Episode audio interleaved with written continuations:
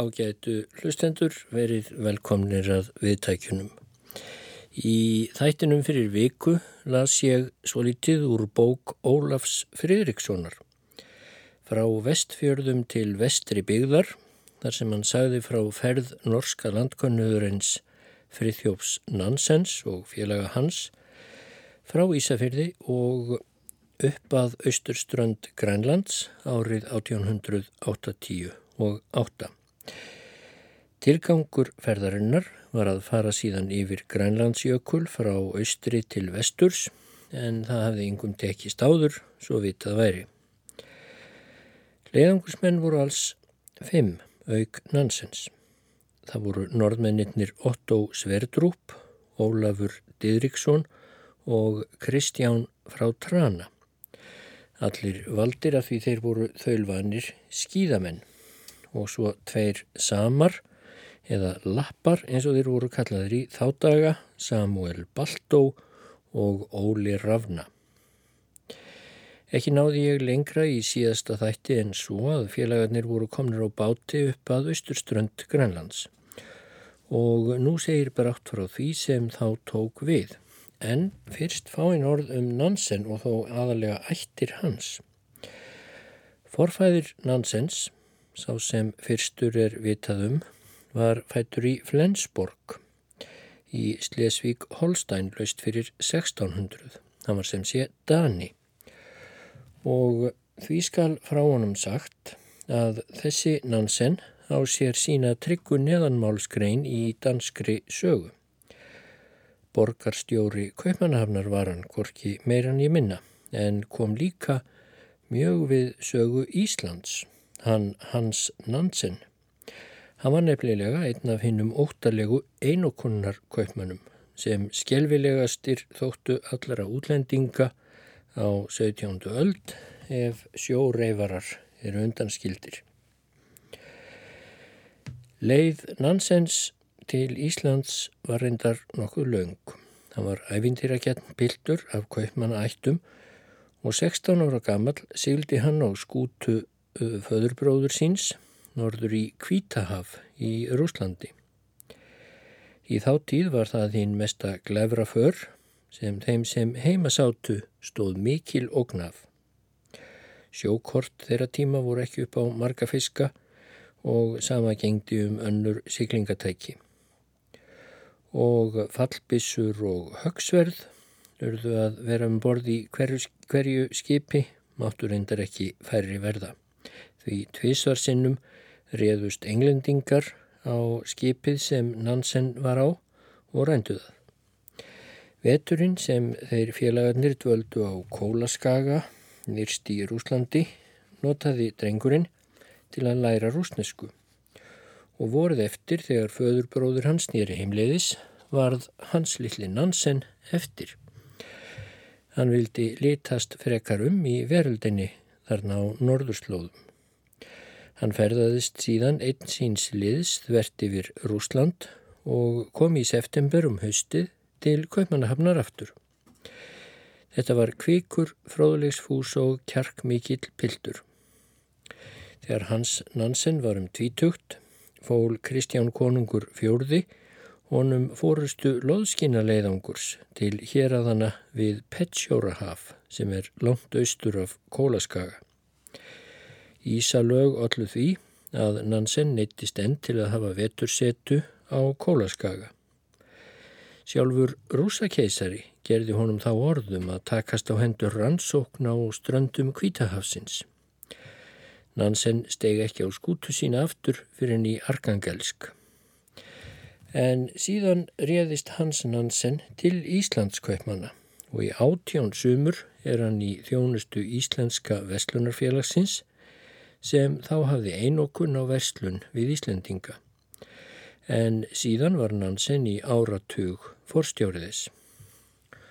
Og eh, þótt ekki líki fyrir nákvæmar fregnir um ferður hans, þá er ljóst að á þessum árum kom hann margóft til Íslands.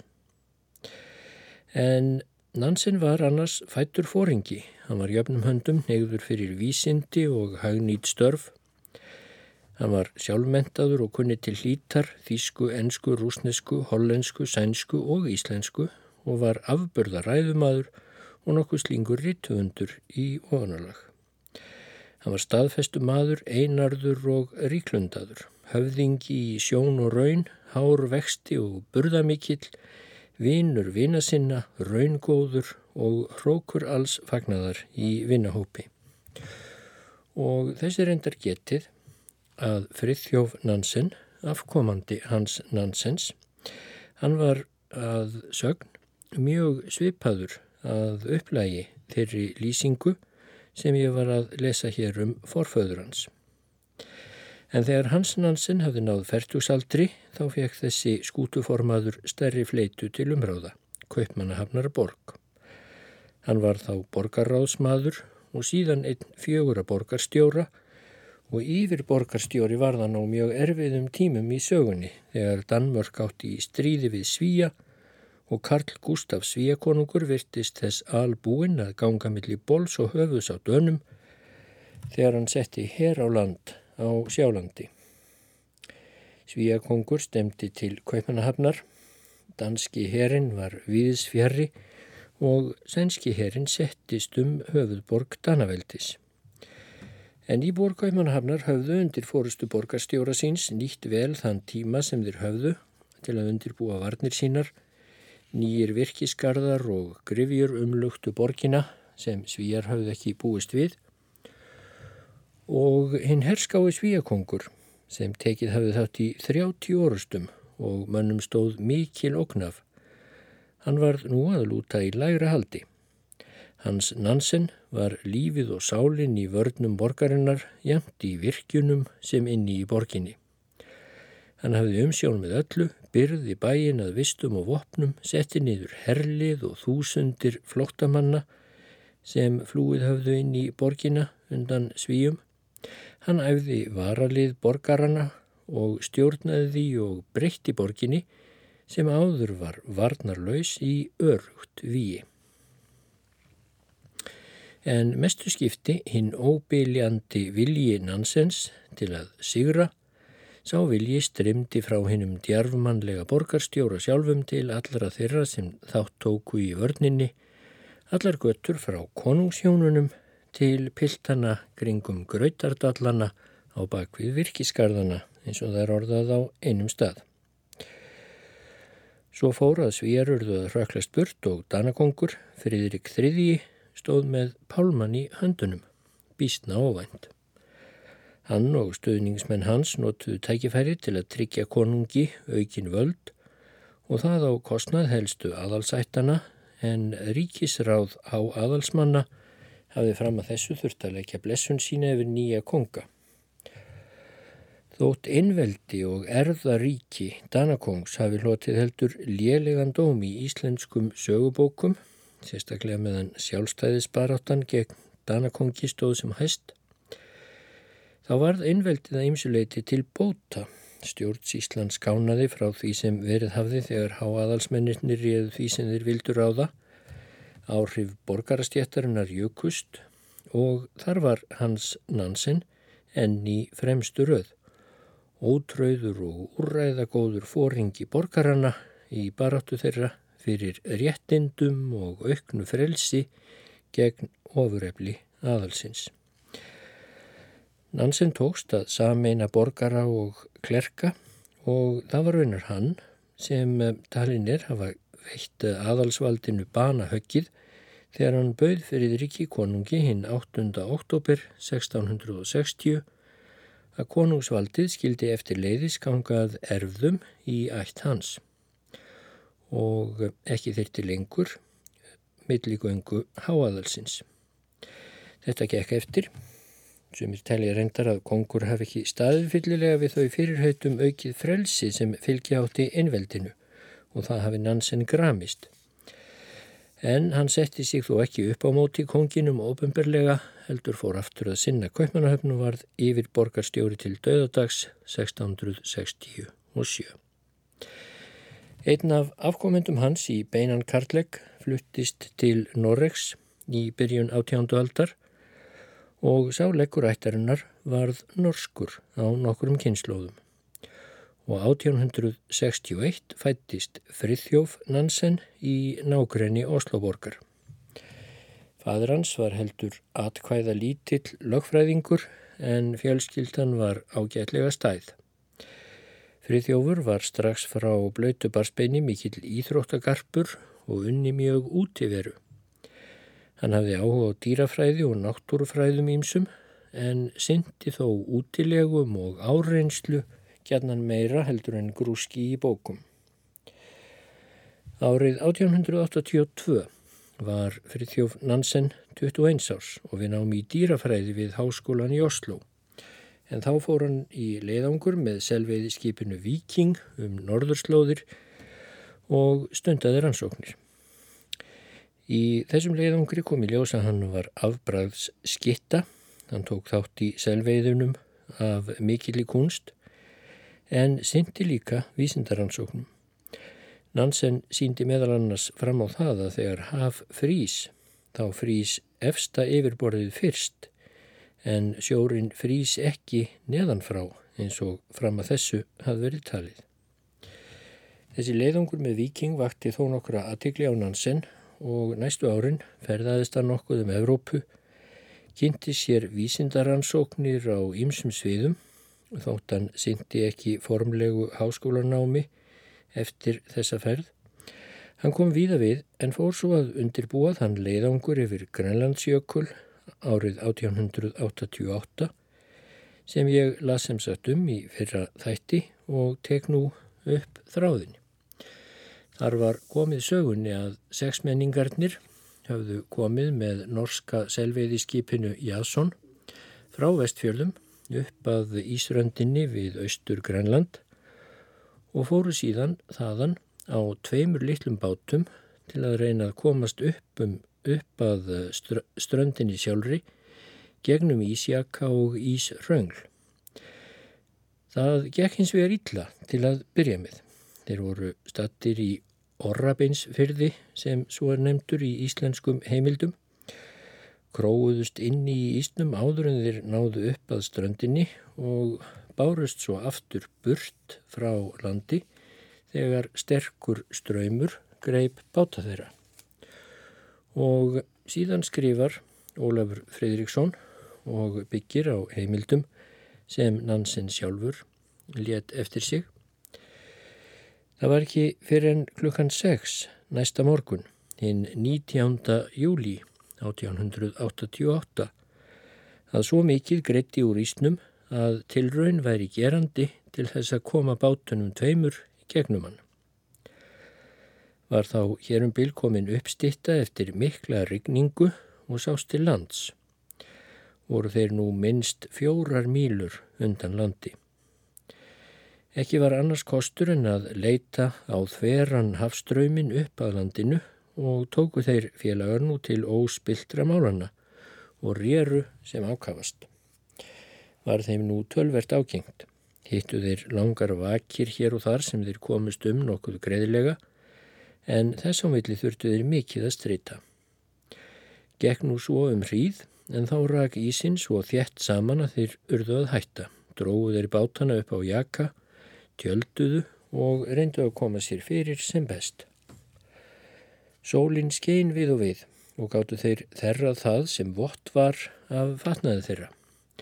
Kom það sér vel, engum fyrir Nansen sjálfan sem hafði lent í sjónum því Ísröndin undir honum hafði brostið eitt sinn þegar hann ætlaði að stökka út í bát sinn.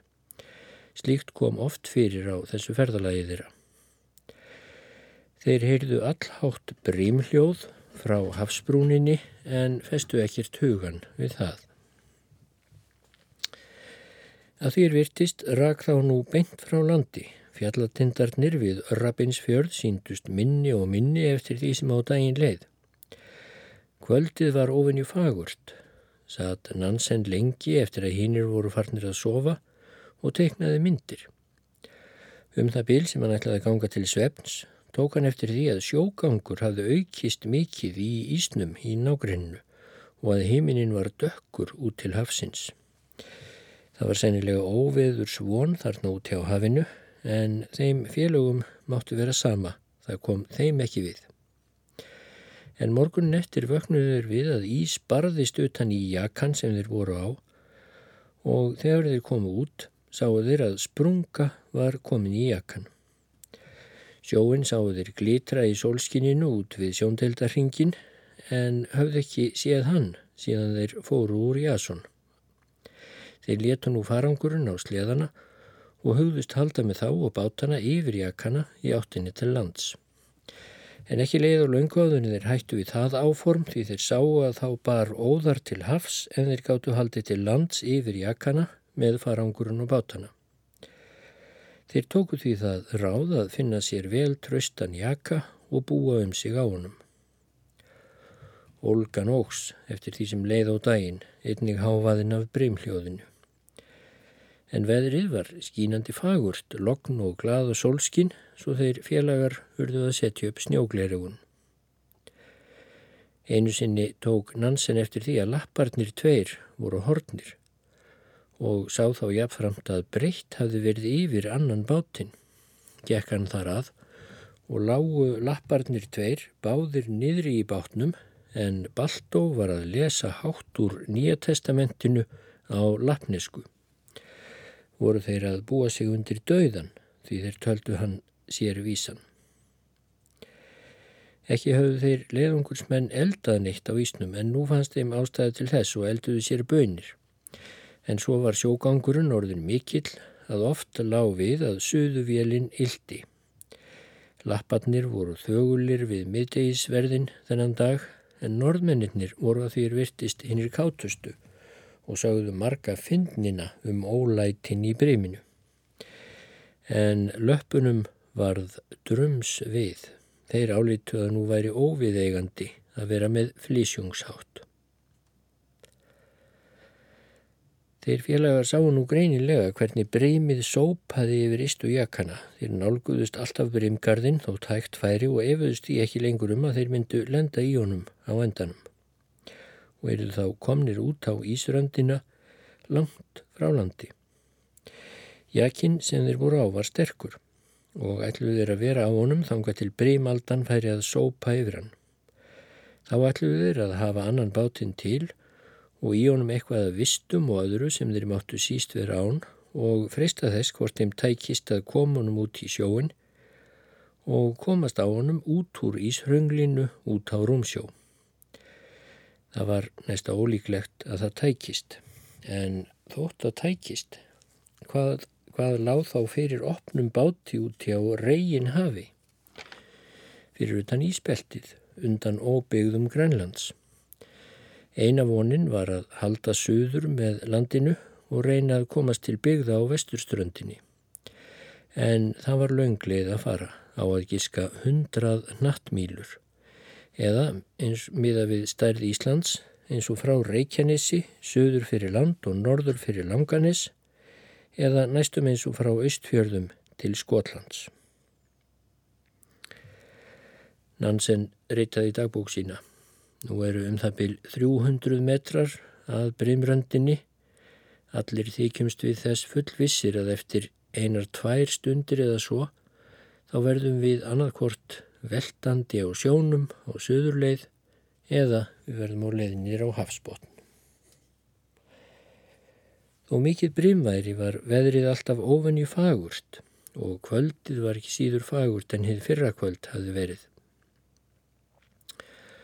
Öldugangurinn var nú orðin svo mikill að þegar jakinn sem þeir félagar voru á var í öldulagðinni sáu þeir ekki ísinn í kringum sig, ekkert nema heiminin yfir sér en af því þeir myndu þurfa að taka á öllu sem þeir áttu til þegar þeir færu af jakanum þá ákvaðan Nansen að þeir skildu leggjast til svefns, þánga til sverdrúp kallaði, en honum treysti Nansen best til að halda vörð. Nansen aðtögaði andlit félaga sinna en hann sá þar ekkert sem bendi til óta. Norðmennir döluðust við eins og vanalega Lapparnir voru þögulir því þeir voru þess fullvissir að þeir hefðu séð sólinn að setjast í síðasta sinn en samt voru þeir alveg rólegir. Þeir höfðu lagt út í förina að því þeim höfðu verið bóðin góð borgun.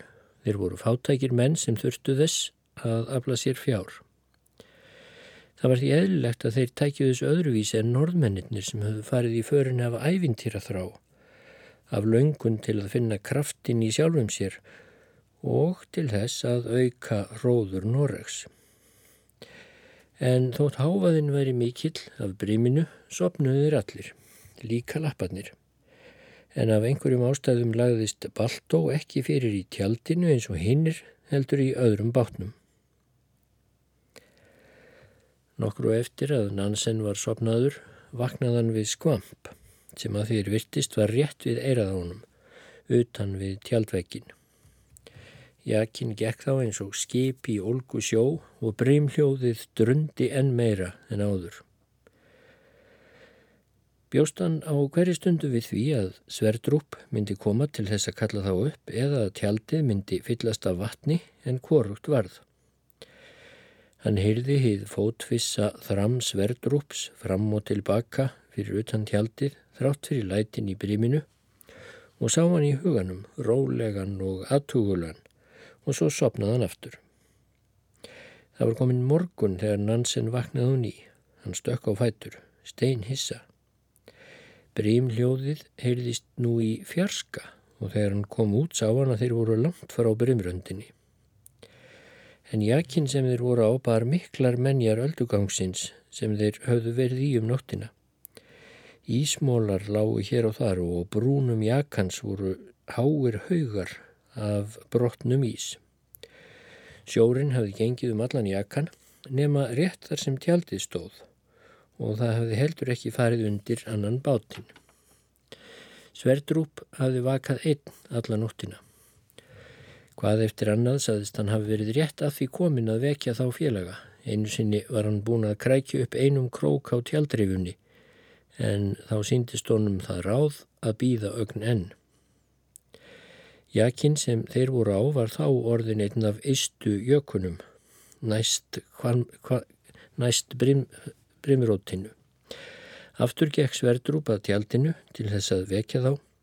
Hann krækti þá upp einum krók til og beði svo átekta. En þeir urðu aldrei fleiri krókarnir. Í stað þess að halda áfram út voru jakan nú að bera inn í ísin aftur. Og eftir nokkur tíma voru þeir komnir svo langt inn í ísin á jakasínum að þeir voru úr allri hættu. Hamingjan hafði fyllt þeim sem þórið hafðu eins og svo oft vil verða. Sama góða solskins veðrið helst þennan dag. En sjógangurinn fór minkandi því ströymurinn barð á nú lengra inn í ísbreyðuna aftur. Þeir sáu enþá fjallatindana við Örrabeinsfjörði í norðri en landið til vestursvið á var mjög ólíkt landinu nyrðra, það var langt um lægra og jökullin gekk þar víðast hvar alveg út að sjó. Vafalaust var það þessi hluti austurstrandarinnar sem Íslendingar til forna höfðu kallað miðjökul og einhver staðar þarna var annar jökul sem kallaður hafði verið bláserkur. Þar var Eiríkur Rauðitalinn hafa komið að þegar hann fann Grænland. Þegar leið á daginn greittist ofurlítið úr Ísnum. Þeir reyndu þá fram öðrum bátnum en komist ekkert áfram fyrir krapi og smá íshröngli svo þeir tóku fljóttan kost að setja hann aftur upp á jakan. Það yrði oflangt mál að skýra frá allum þeim tilraunum sem Nansen og þeir félagar gerðu til þess að komast áleiðis til lands eða hver langt á rak suður og bógin á hverjum degi. Nó er að segja að ísin var nær alltaf svo þéttur að þeir urðu að halda kyrru fyrir og að alltaf rak þá söðrófið. Þeir félagar skiptust á um að halda vörð á nóttunni tvo tíma hver. En lappin rafna kunn ekki á klukku og held í vanalega vörð í fjóra til fimm tíma til að vera alveg vissum að tímarnir tveir væru liðnir. Þeir sáu tölvert af blöðrusel á vísnum en þeir letu þá lengi vel í friði því þeir höfðu enga þörf fyrir selkjött. En dagun okkur sáu þeir gríðarlega stóran blöðru sel, lögðu þeir Nansen og Sverdrup af stað til þess að skjótan þá. Nansen skreiði í skotfæri og skaut en selurinn var ekki alveg döður. Þeir flýttu sér að honum til þess að aðtuga ímislegt sem vísindunum var ókunnugt um, til dæmis hvernig bladran er á selnum lífandi, hvaða litur er á augunum og svo framvegis. En meðan þeir voru að gáða þessu rendi selurinn sér fram af Ísbrúninni. Nansen náði með selagokk í hann en sverdrúp með bátstjaka. Renduði nú að halda reyfunum og afturluta selsins ofan sjávar því þeir vissu að vonlust væri að þeir næðunum ef hann kæmi hreyfunum við því þeir eru aðal sundfæri hans. Nansen bað því Sverdrup að grípa bissuna og skjóta en Sverdrup held að hann hefði betri tök en Nansen en í því gerði selurinn Rikk og fór á kafi sjóin. Þóttir þyrtu ekki selsins við þótti þeim mjög balvað að missa hann svona fengulega skeppnu Sverdrup sagði að þetta væri stærsti selur sem hann hefði nokkur tíma á æfinni séð. Oft slóður ekki upp tjaldinu heldur bara breyttu það á ísin og léttu húðfödd sín ofan á það en ansi fannst þeim það kallt þá þótt sumar væri. Þeir breyttu því allt hvað sem þeir gáttu til þess notað ofan á húðföddin. Húðfödd þessi voru tvenn ætluð þremur mönnum hvert og sváfu Kristján og Lapparnir í öðru en Nansen, Sverdrup og Didriksson í hinnu. Þau voru reyndiriskinni en það er léttast allra loðskinna miða við hver lítið þeir. Best er vetraskinn af, reinkál, af reinkálfum en Nansen átti ekki kost á að fá þau þegar hann var að láta gera húðföttin og var því að nota skinn af simlum eða kvendýrum sem er nokkuð þingra í sér. En hinn 24. júli voru þeir komnir mjög næri landi. Voru þeir þá fyrir norðan Íglóarsúk um það byl þar sem miðjökull endar og farnir að gera sér miklar vonir um að ná landi. En það urðu mikil vonbreyði eins og svo oft áður og þá rak áfram suður með. En þennan dag sáu þeir átt að kjóa í hóp og líka hrappn sem merti að ströndin væri ekki viðs fjari. Klukkan hálf fimm að morgni 25. júli vakti varðmaðurinn Nansen með þeim orðum að Ísbjörn værið að koma. Nansen stökk út á nærfötunum og bað varðmannin sem var Kristján frá Trana að hlaupaða bátunum eftir bissu. Björnin kom á harða hlaupum í áttað tjaldinu en þegar Kristján kom með bissuna stansaðan. Hann horfi á þá um stund en byrninum hefur vist ekki litist á þá því skindilega lagðan á flotta. Þótti þeim félögum slæmt að missa björnin en þó mikil tilbreyting í því að fá að sjá björn en það höfður oft talað um að það er þig nú gaman. Dægin eftir voru þeir afturfarnir að nálgast ytri brún ísins, völdu þeir sér góðan jaka til að vera á og byðu átökta. Þá hafði nú rekið nær söður fyrir auðalandið millir miðjökuls og söðurjökuls og voru undir tindafjallagarðinum sem Ting Mjármjót heitir. Jakan sem þeir voru á fór nú að rekka hægar út á við en áður og það var ekki fyrir enn tveim dögum setna að þeir voru komnir svo langt út í Ísröndina að þeir væri í hættu að lenda í breminu á ný. En að þessu sinni var bremið langt um minna en í fyrraskiptið og láfið að þeir óskuðu að lenda í því. Þeir voru orðnir döð leiður á að vera fastir í Ísnum. En byggust hins vegar við að þeir myndi geta náð grænlandsotta á bátunum á sólaring eða svo. Svo langt hafði þá nú rekið söður með austurströnd Grænlands og leiði var þið besta. En um kvöldið kom þoka svo þeir sá aðeins skamt frá sér en einmitt þá greitti tölvert sundur í sinn. Undir morgun helt Sverdrup vörð og heyrði þá brímhljóðið úr öfugri átt. Þeir hefðu alltaf heyrtað frá ytri brún ísbreyðunar en nú kom það úr landátt ef trúamátti áttavitanum. Annarkort er ég eða áttavitin orðin rugglaður, hugsaði Sverdrup, en það reyndist hvorugt. Ísin var einfallega orðin svo greiður að aldan fjell viðstöðu löst upp að ströndinni og þaðan kom brimhljóðið sem hann heyrði. Um morgunin þegar Nansen lágvakandi sá hann Óla Ravna sem helt vörð hvað eftir hann að komað rífunni á tjaldinu og þóttist vitað hann væri að hugsa um hvort tveir tímannir hans væri ekki liðinir svo hann væri óhætt að vekja Kristján af Trana sem áttu að taka við af honum. Þegar Nansen gáði betur fannst honum samt Ravna verið eitthvað öðruvísi en hann átti að sér að vera svo hann sagði Nú, nú, Ravna, sérðu land? Já, já, svaraði hann, land mjög nærri. Nansen spurði þá hvort ísin væri greiður og stökk á fættur þegar hann heyrði að svo væri og þegar hann leit út um tjaldirinnar sá hann að þeir voru nær, nær landi en þeir höfðu nokkru sinni áður komist og ísin var nú mjög greiður en uppundir landi var alveg íslaust. Þeir félagar voru nú fljóttir á sér þennan morgun að fara í föttin, fá sér bytta, setja fram bátana og ferma þá. Og svo rýru þeir á stað til lands. Á leiðinni fóru þeir fram hjá fjallajaka sem stóð á grunni, satt á honum fjöldi máfa. Ístykki fjall úr borgarísjakanum og flugum ávatnir þá upp og allt í kringum þá æpandi fannst þeim félagunum þá eins og þeir væri að koma í nýjan heim nú þegar þeir réru um nokkur megin auðan sjó og allt þetta líf og fjör í kringum þá sem voru föglarnir. Þeir settu nú upp danska og norska flaggið og svo lendu þeir bátunum í vík einni lítilli og stíguloks á Grænlandi eftir að hafa velkst um í hafísnum frá 17. til 29. júli.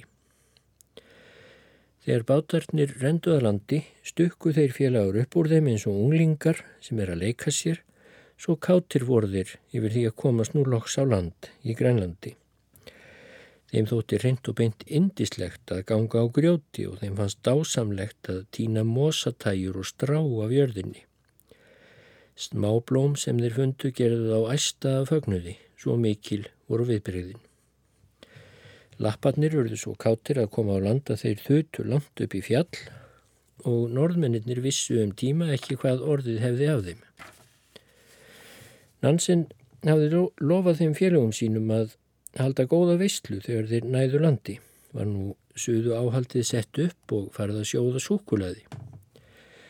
Suðu áhald þeirra félaga var eins konar vínanda lampi með sex kveikjum.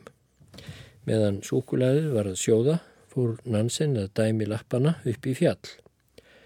Hann vildi sjá hvernig ísnum væri varið norður með landi. Sá hann þá að ísin var greiður nokkuð norður með en enn lengra í norðri virtist hann all þéttur. Meðan Nansen satt að ná steini heyrði hann allt í innu hljóð sem langt var síðan hann hafið heyrt. Það var hinn lága suða í mýflugu sem var að setjast á hendina honum. Honum þótti svo gaman að sjá mýfluguna að hann gæti ekki fengið af sér að reka hana burt og hann lofaði bæði henni og fleiri mýflugum sem komu að fylla sig af blóði á handarbakki sínu. En þessi gæði sínd hann ekki nema í þetta eina sinn. Hann fekk sig setna fullkiftan á mýflugunum á Grænlandi. Rétt á eftir settist sólskríkja skamt frá honum og má nærri geta eftir því hvernig hann tók mýflugunum hver gladur, þar, hver gladur hann varð við sólskríkjuna. Þegar hann kom aftur niður úr fjálslíðinni var veistlan haldinn, það var skamtað meira en venjulega og auk þess útlutað havrakjaksi, svissosti, mísuosti og berjasætu. Það átt að njóta lífsins í þetta eina skipti því nú lág erfitt starf fyrir að komast sem fyrst og sem lengst norður með landi og þeir ætluði að sofa eins lítuður gætu, geta eins lítuður gætu og vinna þó eins og þeir gætu. Þeir yrðu að nærast á keksi og þurkuðu kjöti og drekka vatn með, það er engin tími til að sjóða eða fara á veiðar til að ná sér í nýmetti. Auk þess var Nansen mjög nýskur á eldsneitið, velgat verið að þeir yrðu að hafa vetursetu þarna á austurströndinni og þá var hægt á að þeir eruðu upp í skroppa með eldsneiti.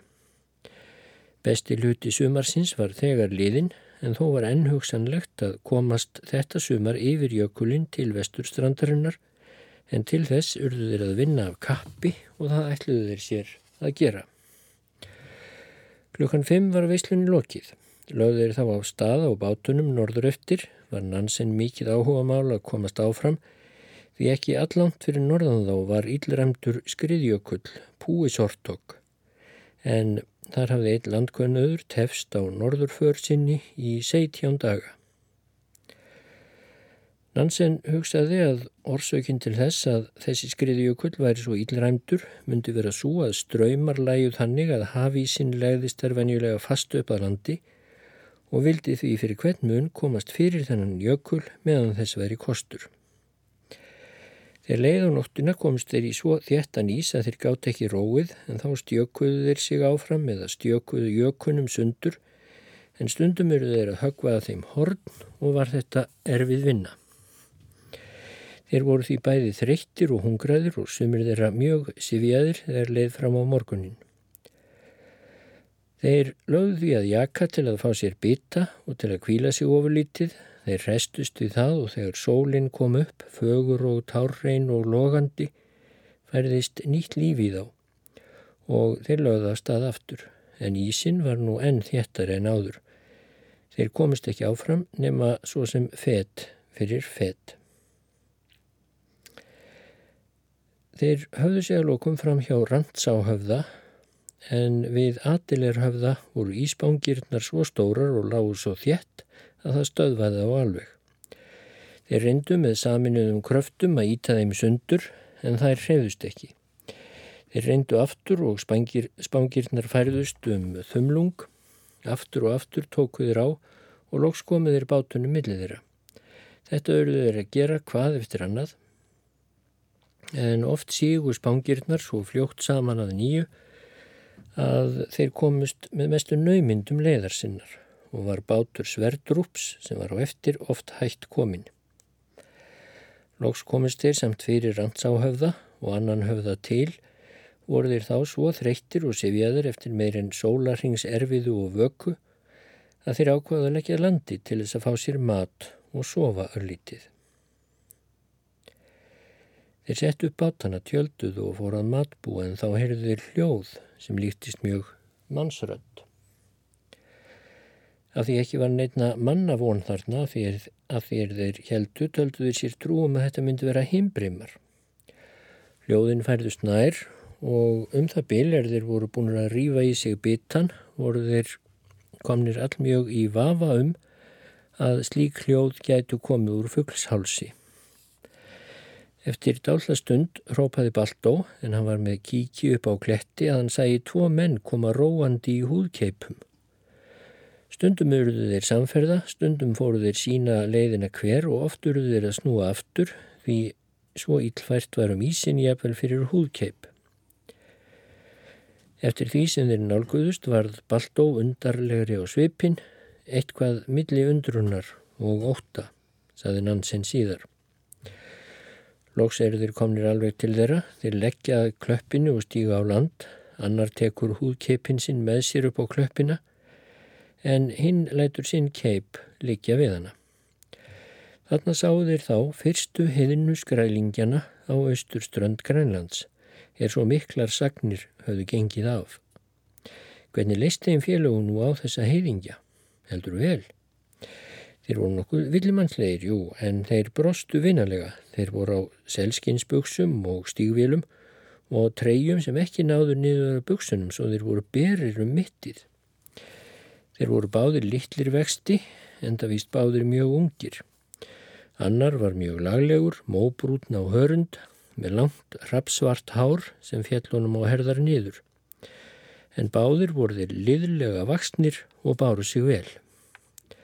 Skrælingjarnir fóru nú að tala heilmikið, benda út á sjó, söður með landi, norður með og svo framvegis. En þeir félagar skildu ekkert hvað þeir voru að fara.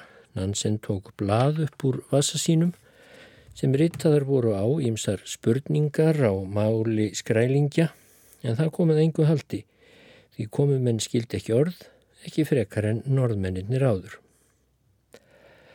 Nansen reyndi að gera sig skiljanlegan með bendingum og tókst á betur viðtalið. Skildan að lokum að fleiri skrælingjar væru norðan við Púisortok, líka að fara erði fast upp að skriðjökli þessum til að komast fyrir hann. Þeir Nansen gerðu nú hinnum skiljanlegt að þeir kæmu ekki sunnan að ströndinni, heldur utan af hafi en þegar skrælingennir skildu þaðlóksins gáðu þeir hljóð frá sér sem var nauðalíkt kýrböli og þýtti víst að þeir væri alveg steinhissa. En svo horfðu þeir hvora annan eins og þeir væri í vafa um hvort þeir ættu að trúa slíku. Skrælingennir fóru nú að skoða útbúnaði leiðungursmanna og dáðust sínilegað mörgu sem þeir sáu í bátunum en að þér virtist að engu eins mikið og járnhespum sem það voru. Þeim var nú gefin sín kjöttkjækskakan hverjum og þótti þeim mjög vænt um það, brögðuðu þeir dáltið á þeim en gemdu sér mest af þeim sjálfsagt til að sína félögum sínum. Mestan tíman sem skrælingjarnir voru hjá leiðangursmönnum skulfuðir en það voru þeir naktir um miðjuna sem fyrr var frásagt gerðu þeir nú skiljanlegt að þeim væri kallt og að þeir færu aftur í húðkepa sína. Vörruðu þeir leðungursmenn enn einu sinni við púisortok og heldu svo á stað en hinnir skriðu í húðföttin og voru brátt allir í fasta svefni. Þetta var um háteispil en um klukkan 6 vakti Nansen félaga sína var þá komin aflandsvindur og ísin greiðari en áður var nú í snatri búist til ferðar og lagt af stað. Ísin var all greiður en Nansin óttaðist að það stæði ekki lengi og eggjaði mjög félaga sína því honum lekinn mest í hugur á að komast fyrir púi sortok og komist til það að lokum klakklaust. En ítla gekk þeim félagum að skilja hvers vegna skriðjökull þessi hafði fengið svo ílt orð á sig en þeir hann ekki stór eftir því sem skriðjöklar gerast í Grænlandi. Ísin var fremur greiður fyrir norðanjökulinn og sóttist ferðin nú vel. En erðir voru komnir að svo nefndum billehöfða, heyrðu þeir mannamál og hundgá. Sáðu þeir þá allmarga skrælingja sem veifuðu handleikjunum og var auðsjáanlega mikið niðri fyrir yfir komuð þeirra. Stóðu skintjöld þeirra skamt frá sjó og lagði þráan lísistef á móti komumönnum. Þótt þetta væri snemmakvölds ákvað Nansen að halda til lands, svo mikil var forvitni þeirra að kynast nánar skrælingunum og lifnaðarháttum þeirra, en fróðlegt var að aðtóða þá, því áhrif kvítramanna gætti lítið sem ekki neitt þann á austurströndinni. Þegar þeir félagar snýru bátunum til lands, hækkaði háfaðin skindilega í skrælingunum og enn hækkaði í þeim þegar þeir félagar komað í sjökum sem tálmuðu förðeira og þeir fóru að nota hinn að löngu bátstjaka sína til að íta þeim í sundur. Nokkur skrælingjar kom á mótið þeim á húrkeipum sínum, þar á meðal sá sem þeir höfðu séð fyrir um daginn. Voru skrælingjar hinnir vingjarlegust og vildu sína komamönnum hvar best væri að fara mill í jakana sem þó þurft ekki við. Voru þeir uh, auðsjámanlega mjög hissa hvernig þessir aðkomumenn skettu engu þótt smá ísjaki yrði fyrir bát þeirra. Slíkt myndi hafa reyðið húðkeppum þeirra að fullu.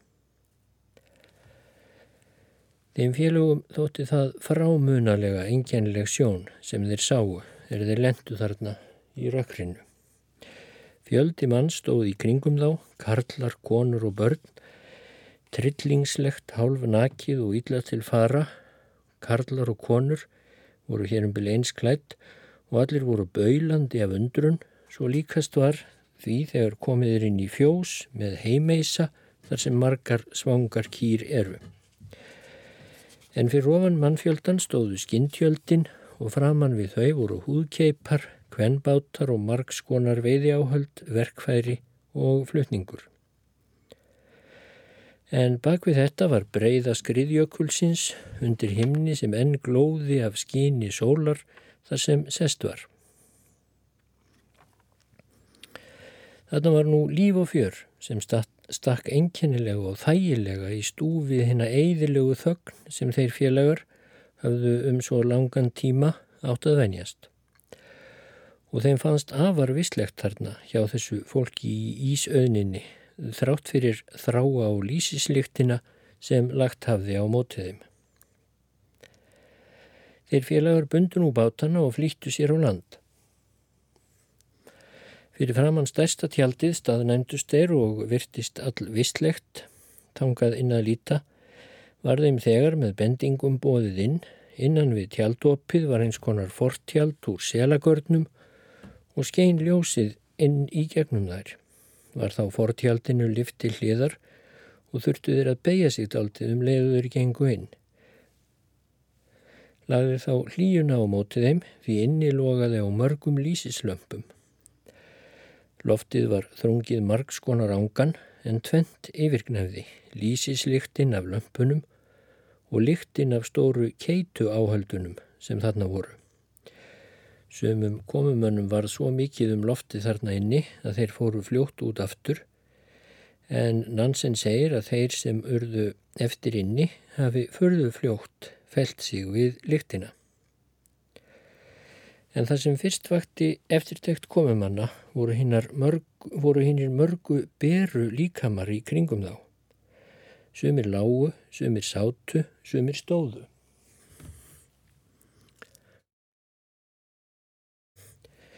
Fólkið hafði á sér svonendar inniskýlur en þær voru svo litlar að þeirra gæti varla voru skýlur kallmannana minni en nokkrar sundbuksur en skýlur kvennfólksins þó þaðan af minni. Kvennfólkið var auk skýlunar með bandum hárið en ekki annað klæða. Nansen segir að vallamundi ninn furða sig á því að þeir félagar hafi í fyrstu verið aldrei fimmnir þarna inni en heimamönnum datu auðsjánlega ekki í hug að neitt óvenjulegt væri hér á ferð í augum komumanna.